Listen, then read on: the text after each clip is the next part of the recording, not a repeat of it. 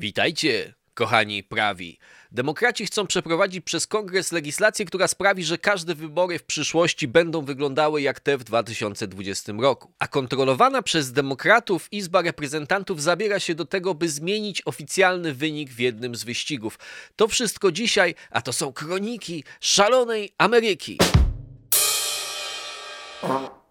Zacznijmy od końca, zacznijmy od tego, co dzieje się aktualnie. Aktualnie na tapecie jest sprawa drugiego dystryktu kongresowego w stanie Iowa. Tam oficjalną zwyciężczynią została ogłoszona republikanka Marianette Miller Mix. Wygrała z Ritą Hart oficjalnie certyfikowany wynik różnicą 6 głosów tylko przy 400 tysiącach głosów oddanych w tym wyścigu, więc różnica była rzeczywiście minimalna. Zaczęła się od tego, że Miller Mix w pierwszych y, szacunkowych wynikach miała prowadzenie około 250 głosów, potem ta przewaga jej się zaczęła zmniejszać.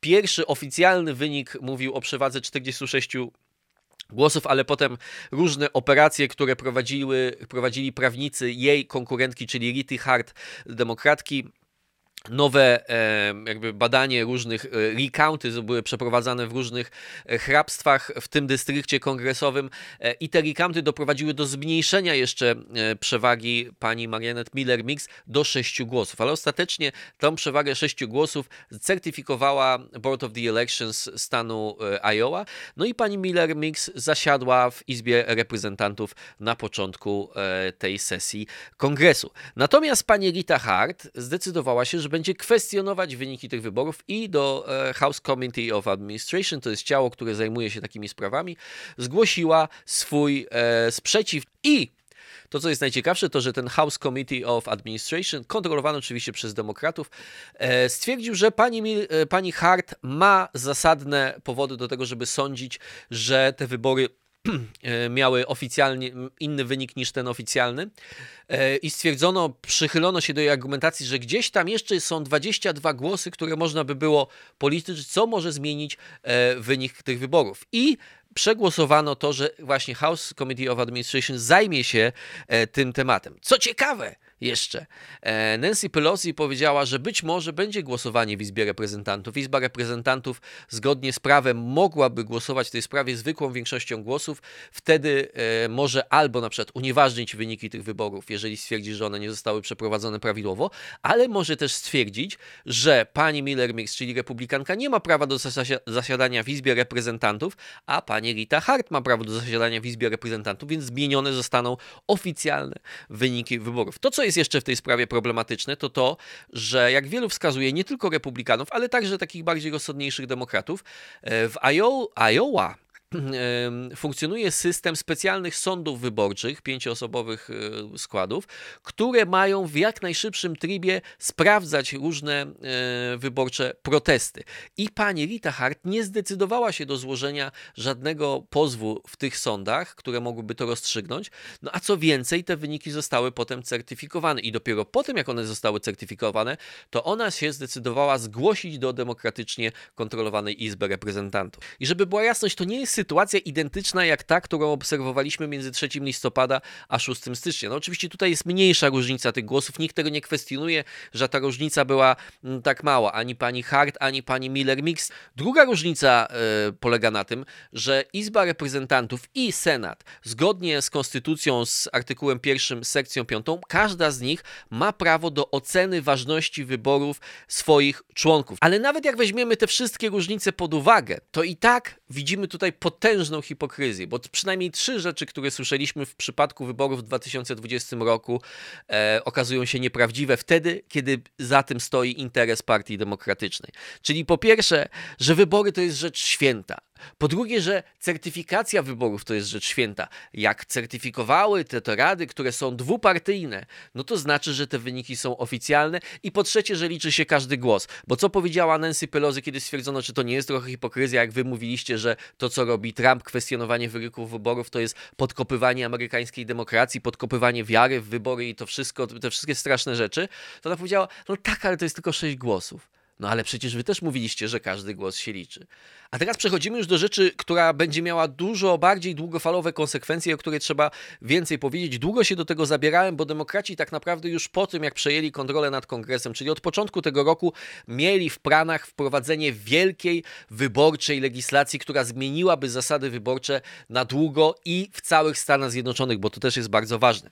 Prawo to na pewno o nim słyszeliście, albo przynajmniej część z Was nazywa się HR1, jak House of Representatives 1 i mówi to, że jest oznaczone tą liczbą 1, czy cyfrą 1, zawsze nie wiem jak to trzeba powiedzieć. W każdym razie to, że nazywa się HR1 sugeruje nam, że jest to niezwykle ważna legislacja dla demokratów, bo tradycja kongresowa mówi, że wszystkie te najważniejsze ustawy nazywane są, numerowane są właśnie tymi niskimi numerami. I tak mówiąc w skrócie, w ogóle jak chcecie, żebym się bardziej zagłębił w szczegóły, bo i tak pewnie za bardzo będę się dla polskiego widza zagłębiał w szczegóły, to możecie mi to napisać w komentarzach. Zasada tej y, całej tej legislacji jest taka, że ona ma na celu ułatwienie maksymalne głosowania w wyborach. Jeżeli środkiem do ułatwienia głosowania w wyborach ma być głosowanie korespondencyjne, bo nie trzeba iść i czekać w kolejce e, w lokalu wyborczym, no to głosujmy korespondencyjnie. Jeżeli ułatwienie mają być łatwiejsze zasady rejestracji do głosowania, no to roz, rozwodnijmy te zasady i tak dalej. Jeżeli ułatwienie ma być to, że nie trzeba pokazać głosując albo o, zamawiając pakiet do głosowania korespondencyjnego dowodu tożsamości, no to wprowadźmy takie zasady. I teraz są dwie narracje, które moim zdaniem są nieprawdziwe i one są najpopularne wśród republikanów, a przynajmniej wśród radykalnych republikanów i wśród demokratów. Jeżeli chodzi o tą narrację republikańską, to nam mówi tyle. Jeżeli ktoś chce poluźniać zasady głosowania, to jest to jasny przykład, że on ma jakieś e, złe intencje i chce w przyszłości prowadzić e, fałszerstwa na szeroką e, skalę. Czyli każde poluźnienie zasad głosowania, na przykład jeżeli rejestrację ułatwimy, to chodzi o to, żeby dosypywać tych kart, które będą kartami tak naprawdę żadnych prawdziwych wyborców, tylko wymyślonych albo martwych, albo kogokolwiek innego, ludzi, którzy nie chcieli zagłosować, jak ktoś zagłosował za nich. I oczywiście ta narracja ona nie została nigdy udowodniona, że ktoś na szeroką skalę rzeczywiście chciał przeprowadzić fałszerstwa w wyborach na przykład na prezydenta, czyli przez, e, które odbywają się w 50 stanach w końcu. To jest też problem, bo przez to ci radykalni republikanie nie rozumieją tak naprawdę tego, co się wydarzyło w 2020 roku. Ten artykuł Time'a, którym wszyscy się tak podniecali, pokazywał właśnie to, jak zwolennicy Trumpa nie zrozumieli tego, co się wydarzyło, że ułatwiono dostęp do głosowania, zmobilizowano wyborców, którzy wcześniej nie byli zmobilizowani, ale to wszystko nie było fałszerstwem, tylko to wszystko było używaniem paralegalnych lub pozalegalnych środków do tego, żeby napompować frekwencję wyborczą. Używano różnych metod, różnych organizacji pozarządowych, pieniędzy od Sorosza, wszystkiego co można, ale to wszystko miało doprowadzić do tego, żeby każdy, kto ewentualnie mógłby oddać głos na Joe Bidena, miał możliwość to zrobić i został do tego przekonany wszystkimi możliwymi środkami. Problem z tą narracją republikanów jest też taki, że republikanie czasami, e, idąc za daleko w tych argumentach swoich o bezpieczeństwie wyborów, e, mogą brzmieć, jakby im zależało na tym, żeby niektórzy ludzie nie głosowali. Zresztą już nie pamiętam, który republikanie ostatnio to powiedział, właśnie mu się coś takiego wymsknęło, że no właściwie to wszyscy nie powinni głosować, tak? To znaczy, i to jest oczywiście bardzo niebezpieczne, bo to nie przekona amerykańskiej opinii publicznej, jeżeli się okaże, że rzeczywiście jest jedna partia, której zależy na tym, żeby na przykład mniej czarnych zagłosowało. To ma też swoje przełożenie na praktykę wyborczą, bo są pewne mm, elementy tej argumentacji demokratów, które trzeba w jakiś sensie potraktować jako racjonalne i uznać. Na przykład mówi się o tym, znaczy nawet nie mówi się o tym, są badania, które to pokazują, że zjawisko kolejek w lokalach wyborczych, czyli to, że trzeba bardzo długo czekać, jest częstsze w miejscach, gdzie mieszka wielu czarnych. I oczywiście dla demokratów też, że to jest jakiś plan republikanów, że oni chcą, żeby nie dopuścić do tego, żeby czarni głosowali. W praktyce to wygląda trochę inaczej, bo często zarządcami tych hrabstw albo miasteczek, albo dzielnic, albo, albo tych miast e, są demokraci, którzy po prostu oczywiście są beznadziejnymi zarządcami, nie przeznaczają odpowiednich środków na prowadzenie e, procesu wyborczego e, i te regiony, gdzie jest wielu czarnych, są po prostu niedofinansowane. Tak było na przykład na Florydzie w 2000 roku, podczas e, tego burz wigory, że mówiono na przykład o tym, że te maszyny, na których głosowali czarni, były gorsze i mogły jakby częściej głosy, które oddawali, były nieważne ze względu na złe funkcjonowanie tych maszyn, nie ze względu na to, że wyborca był, nie wiem, nie do końca rozumiał zasady, prawda? Więc jeżeli są takie sytuacje, że rzeczywiście w niektórych miejscach, tam gdzie głosuje się osobiście, są zbyt długie kolejki, to republikanie, mimo tego, że to nie jest w ich bezpośrednim interesie, krótkofalowym, powinni być zwolennikami tego, żeby władze stanowe, nawet nad głowami tych władz lokalnych, czy władze nawet federalne przeznaczały więcej środków na to, żeby tych lokali wyborczych było więcej, żeby czarni w tych kolejkach nie stali, bo na dłuższą metę to też prowadzi do tego, że e, republikanie e, jakby sankcjonuje to tą narrację e, taką mówiącą, że republikanom zależy na tym, żeby czarni nie byli aktywni, prawda? Natomiast jest ta druga narracja, demokratyczna narracja, która jest chyba jeszcze gorsza i jeszcze głupsza, bo ona mówi tak, że każda próba wzmocnienia zasad wyborczych, zabezpieczenia tego systemu, to jest tak naprawdę voter suppression, czyli odbieranie komuś praw e, wyborczych. Tak? I to jest oczywiście bzdura, bo to, że dostęp do głosowania nie jest tak łatwy jak zamówienie e, taco albo pizzy z Uber Eats, to nie znaczy, że komukolwiek te prawa wyborcze e, się odbiera. Zresztą ta narracja o tym, że każda próba zabezpieczenia wyborów jest próbą e, ograniczenia dostępu do głosowania, nie jest narracją wieczną. Ona się tak naprawdę pojawiła może w 2015 roku, może minimalnie wcześniej, ale na przykład e, Help America Vote Act w 2002 uchwalony e, 93 senatorów głosowało za, tylko dwóch głosowało przeciw, czyli mieliśmy dwupartyjną zgodę co do tego. Mówił o tym, że Stany powinny usuwać wyborców z list wyborczych, którzy długo nie głosowali albo zmienili adres. Innymi słowy, te listy wyborcze, żeby wybory były wiarygodne, te listy wyborcze muszą być sprawdzane i też muszą być wiarygodne. I co do tego była dwupartyjna zgoda. No ale teraz narracja się zmieniła i demokraci mówią, jeżeli Stany usuwają kogoś z list wyborczych, to dlatego, że chcą dokonać tej voter suppression, tak? czyli że chcą kogoś usunąć z tej listy wyborczej, bo chcą, żeby on nie zagłosował ale to jak jedna z, to jest jedna z tych narracji lewicowych, które zupełnie nie mają żadnego związku z rzeczywistością, które bardzo ciężko jest rozsadzić za pomocą logicznych argumentów. No, żeby podać przykład y, z polskiej rzeczywistości, prawda? Ostatnio mieliśmy wybory, ostatecznie głosowaliśmy osobiście. Wielu ludzi jest zameldowanych w innych miejscach niż gdzie, w których mieszka. Ja na przykład należę do tych ludzi i ja podam wam przykład swój. Ja, żeby z, móc zagłosować w Warszawie, chociaż zameldowany jestem w Gdańsku, to przez system e, elektroniczny elektroniczny ten e, profil zaufany, chciałem się zarejestrować do, e, w swoim okręgu, znaczy w tym okręgu wyborczym, gdzie mieszkam, w obwodzie właściwie, w komisji obwodowej, tak to należałoby chyba powiedzieć precyzyjnie e, w polskim prawie. Natomiast popełniłem jakiś tam błąd, przeprowadzając tą operację profilu zaufanego i ostatecznie czegoś tam nie kliknąłem, poszedłem do komisji wyborczej, okazało się, że mojego nazwiska nie ma na liście. I teraz, gdyby ta rzecz miała miejsce w Stanach Zjednoczonych, a ja jeszcze bym był czarny, to powstałaby cała narracja o tym, w jaki sposób ja jako czarny jestem wykluczony cyfrowo, więc dlatego nie zrobiłem tego, bo nie wiedziałem, bo nie miałem komputera, bo statystycznie biali mają więcej komputerów i więcej profili zaufanych itd., itd., itd. Oczywiście ja nie przeszedłem pewnego wymaganego kryterium i chciałem, byłem wyborcą, który chciał zagłosować i nie oddałem ostatecznie głosu, bo już potem tego nie można było naprawić, ale nikt by nie powiedział, że ktoś mi odebrał moje prawa wyborcze, bo ostatecznie miałem tę możliwość, popełniłem jakiś błąd przez niedopatrzenie, to nie było najłatwiejsze na świecie, ale też nie było najtrudniejsze najtrudniejsze na świecie. E, żeby pokazać wam, jak działa ta, e, ta niezbyt e, logiczna logika, tak to nazwijmy, artykuł Richarda L. Hassena, to jest profesor prawa z Uniwersytetu oczywiście w Kalifornii, i teraz Hassen pisze, i to jest oczywiście to jest ta część jest prawdziwa, że republikanie w różnych stanach 160 e, chyba projektów legislacji zaproponowali, które mają wzmocnić bezpieczeństwo wyborów. I teraz on w tych, ten sposób pisze o tych projektach.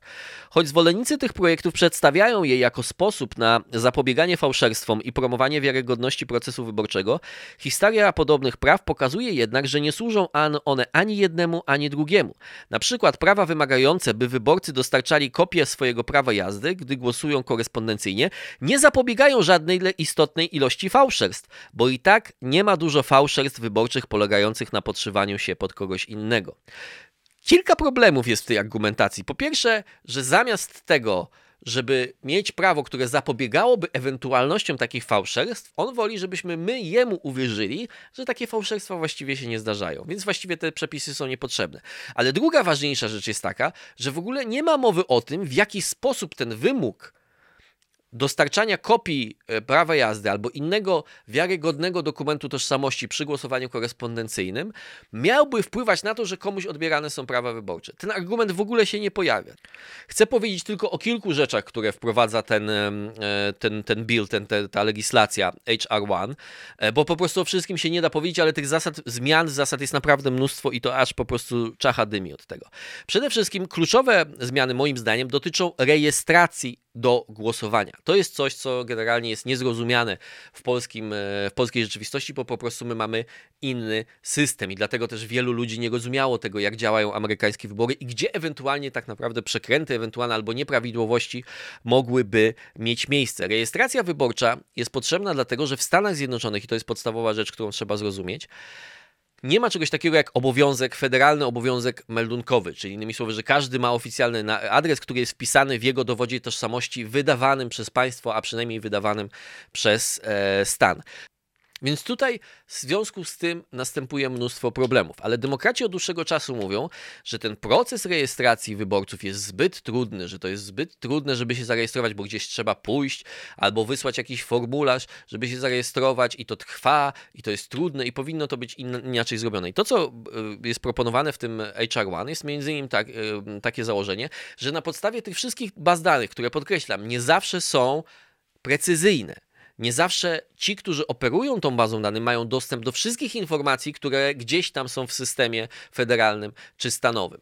Nie zawsze ten, który jest w tej bazie danych, jest uprawniony do głosowania, bo na przykład można e, korzystać z pewnych świadczeń socjalnych, nie mając obywatelstwa amerykańskiego, albo można w niektórych, znaczy w większości chyba stanów, uzyskać prawo jazdy, nie mając obywatelstwa amerykańskiego, więc nie mając prawa wyborczego. Ale to, co oni chcą wprowadzić, to to, żeby automatycznie wszystkie stany rejestrowały wszystkich wyborców, którzy są w ich bazach, czyli automatycznie, żeby każdy, kto jest w jakiejkolwiek bazie stanowej, dostawał prawo do głosowania. E, druga rzecz, która, e, którą chcą wprowadzić, co też pokazuje, w jaki sposób to zmniejsza bezpieczeństwo tych wyborów, to jest rejestracja tego samego dnia, czyli że wyborca może się zarejestrować tego samego dnia, w którym oddaje głos. No i teraz oczywiście tutaj jest, pojawia się pytanie, skoro wszyscy są automatycznie zarejestrowani, to po co rejestrować się jeszcze potem tego samego dnia, kiedy chce się zagłosować? I pytanie, czy te systemy będą na przykład na tyle sprawne, żeby uniemożliwić komuś na przykład zarejestrowanie się w dwóch obwodach wyborczych lub zagłosowanie w jednym stanie wcześniej i zagłosowanie w innym stanie, na przykład w dniu wyborów. I to jest rzecz, która w jakiś sposób została już udowodniona. Nie w przypadku wyborów 2020 roku, ale w przypadku wyborów w 2016 roku. Jak ktoś chce więcej informacji, to będzie link do takiego specjalnego raportu. To jest e, raport, który przygotował na podstawie wyborów w 2016 roku, czyli wyborów Clinton-Trump, e, taki think tank, który się nazywa Government Accountability Institute. E, to jest e, think tank konserwatywny, żeby nie było wątpliwości. Działa w nim m.in. Peter Schweitzer, jeden z lepszych dziennikarzy śledczych, który e, opisał sekrety fundacji Clintonów, ale także na przykład jako jeden z pierwszych opisywał chińskie i ukraińskie interesy Huntera Bidena. I teraz oni zrobili badanie, uzyska, udało im się uzyskać dane z listy wyborcze, listy głosujących 21 stanów z 50, czyli no to nie były pełne dane.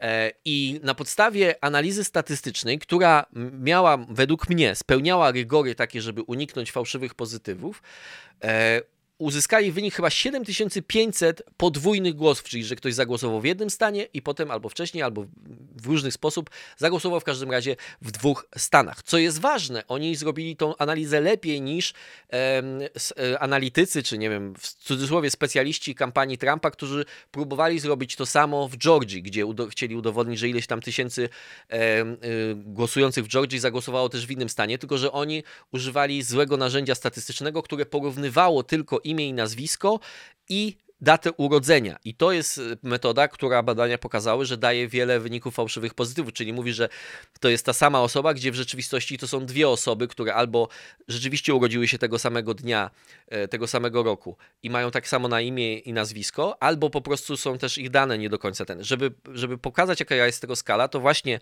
w tym raporcie GUI, czyli tego Governmental, Government Accountability Institute, e, tych wyników porównujących pozytywnych tylko imię i nazwisko i datę urodzenia było 60 tysięcy, a wyników, które potem do, dodawa, dodawały jakieś inne kryterium tożsamości, na przykład numer e, Social Security, było tylko 8 tysięcy w 21 stanach. Według, e, to już jest analiza taka matematyczna, według nich, gdyby to zekstrapolować na wszystkie 50 stanów, no to mielibyśmy około 45 tysięcy głosów podwójnych. Czyli innymi słowy, gdzieś było 45 tysięcy roz, roz, roz, rozprowadzonych nie wiadomo do końca jak po różnych stanach głosów, które tak naprawdę nigdy nie powinny zostać policzone, bo wręcz można powiedzieć, to jest fałszerstwo, po prostu. Jeżeli ktoś głosuje dwa razy, to to jest po prostu fałszerstwo wyborcze. To nie jest nieprawidłowość, to nie jest luka w prawie, to jest fałszerstwo. I teraz oczywiście racjonalne jest założenie, że ani w 2016 roku, ani w 2020 roku to nie miało wpływu na wynik wyborów. Ale to już jest spekulacja. To już nie jest powiedzenie, system jest tak pewny, że takie rzeczy są e, niemożliwe. Szczególnie, że to, to, co jest cechą tego HR1, jest to, że wiele z takich zabezpieczeń, które, do których wcześniej można by było się odwołać, do których ja się często odwoływałem, jak mówiłem o wyborach w 2020 roku, że okej, okay, teoretycznie ktoś mógłby zagłosować, albo ktoś mógłby na przykład kilka razy policzyć ten sam głos, ale potem mamy procedurę, która zabezpiecza przed tym i w tej procedurze widzielibyśmy tą sytuację, jeżeli ktoś dokonywałby takiego fałszerstwa. To ten HR1 wiele takich możliwości usuwa. Co więcej, dobrze pokazuje w tym raporcie mm, e, tego GUI, e, Governmental Accountability Institute, opisują oni e, taki przypadek. Znaczy, pracownicy tego think tanku zadali pytanie sekretarzowi stanu Rhode Island.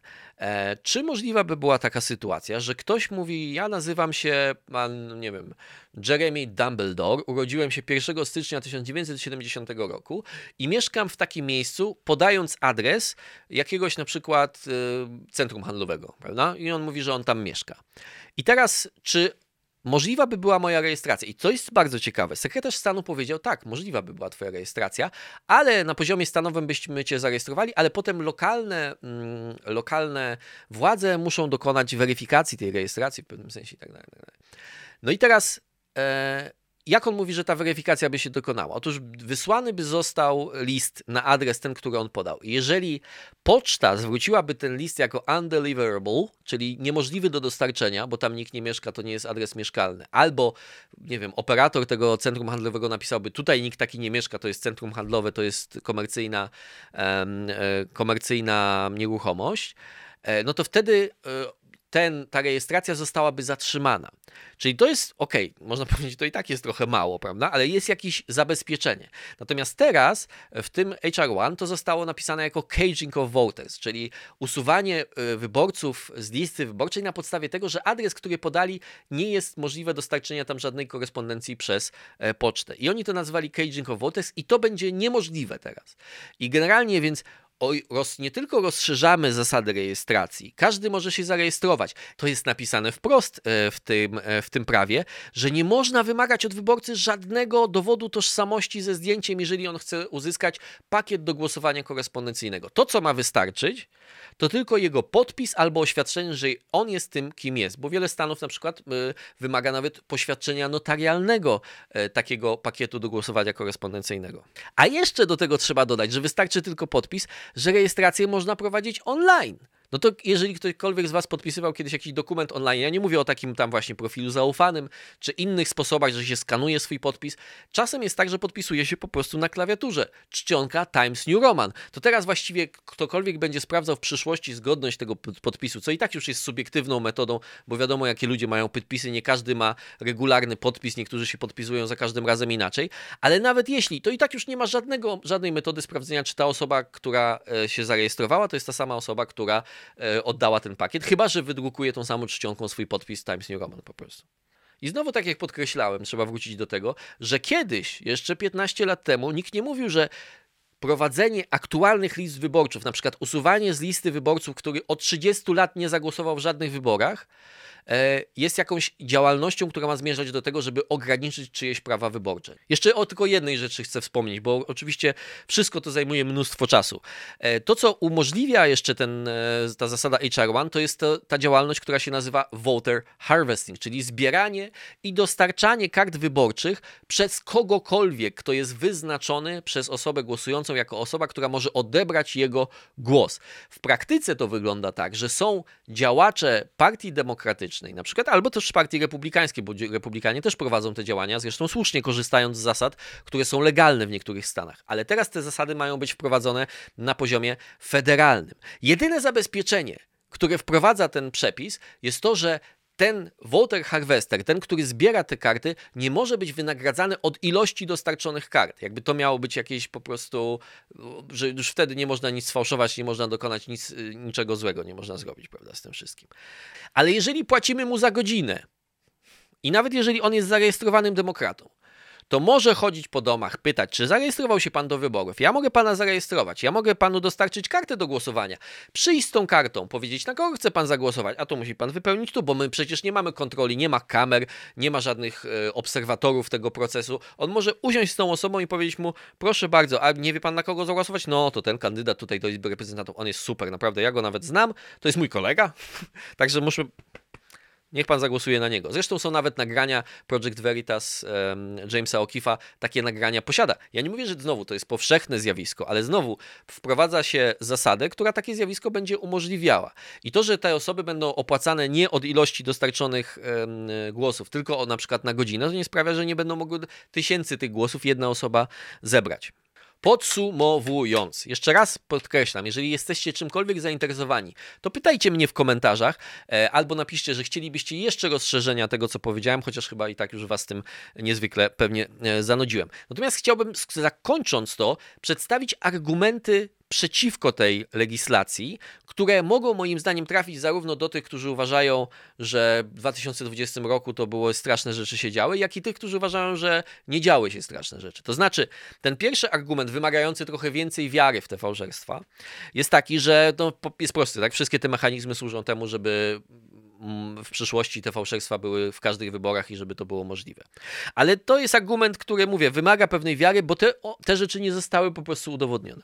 Natomiast jest argument, który wymaga mniej wiary, ale też jest bardzo moim zdaniem potężny czy bardzo yy, waż, ważki. To znaczy, nawet zakładając taki świat, w którym nikt nie chce dokonywać żadnych oszustw, to wprowadzenie tych wszystkich mechanizmów ułatwi przeciwnikom wyniku danego wyborczego prowadzenie narracji, że te wyniki wyborów zostały w jakiś sposób zmanipulowane, sfałszowane, bo nie będzie sposobu na udowodnienie tego, że do tego na pewno mogło nie dojść bo będziemy mieli cały czas takie sytuacje, a ta osoba nie miała prawa zagłosować, prawda? Ale wtedy już powie, no tak, ale już jej głos jest w tej ogólnej kupce, no nie wiemy skąd, co mamy z niej zrobić. No trudno, ale to nie miało wpływu na wynik wyborów, tak? Czy nie lepszy byłby taki system, który uniemożliwiłby takiej osobie zagłosować, jeżeli ona rzeczywiście nie ma e, do tego prawa, tak? Czyli mamy dwa, dwie opcje, albo posługujemy się systemem honorowym, że o, Amerykanie generalnie są honorowi i nie będą głosować podwójnie, albo nie będą udawać, że, nie mieszk że mieszkają w tym stanie, chociaż nie mieszkają, prawda? I tak dalej, i tak dalej.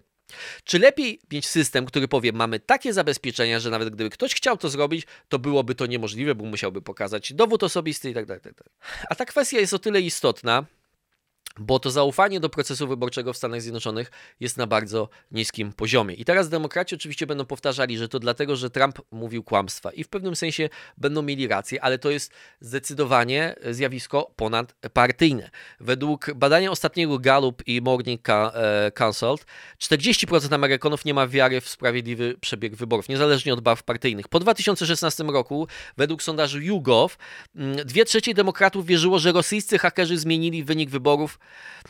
a po ostatnich wyborach tylko 23% republikanów wierzy, że mieliśmy wolne i sprawiedliwe wybory. To jest tyle, moi drodzy. Jeszcze raz, jeśli macie komentarze, pytania, bardzo chętnie z Wami o tym porozmawiam. Szczególnie jestem ciekawy tych, którzy mieszkają w Stanach Zjednoczonych i jak wygląda, bo tego nie wiem, e, nie, nie znam tego w praktyce, znam to tylko z lektury różnych przepisów. Wiem, że te przepisy są różne w różnych stanach.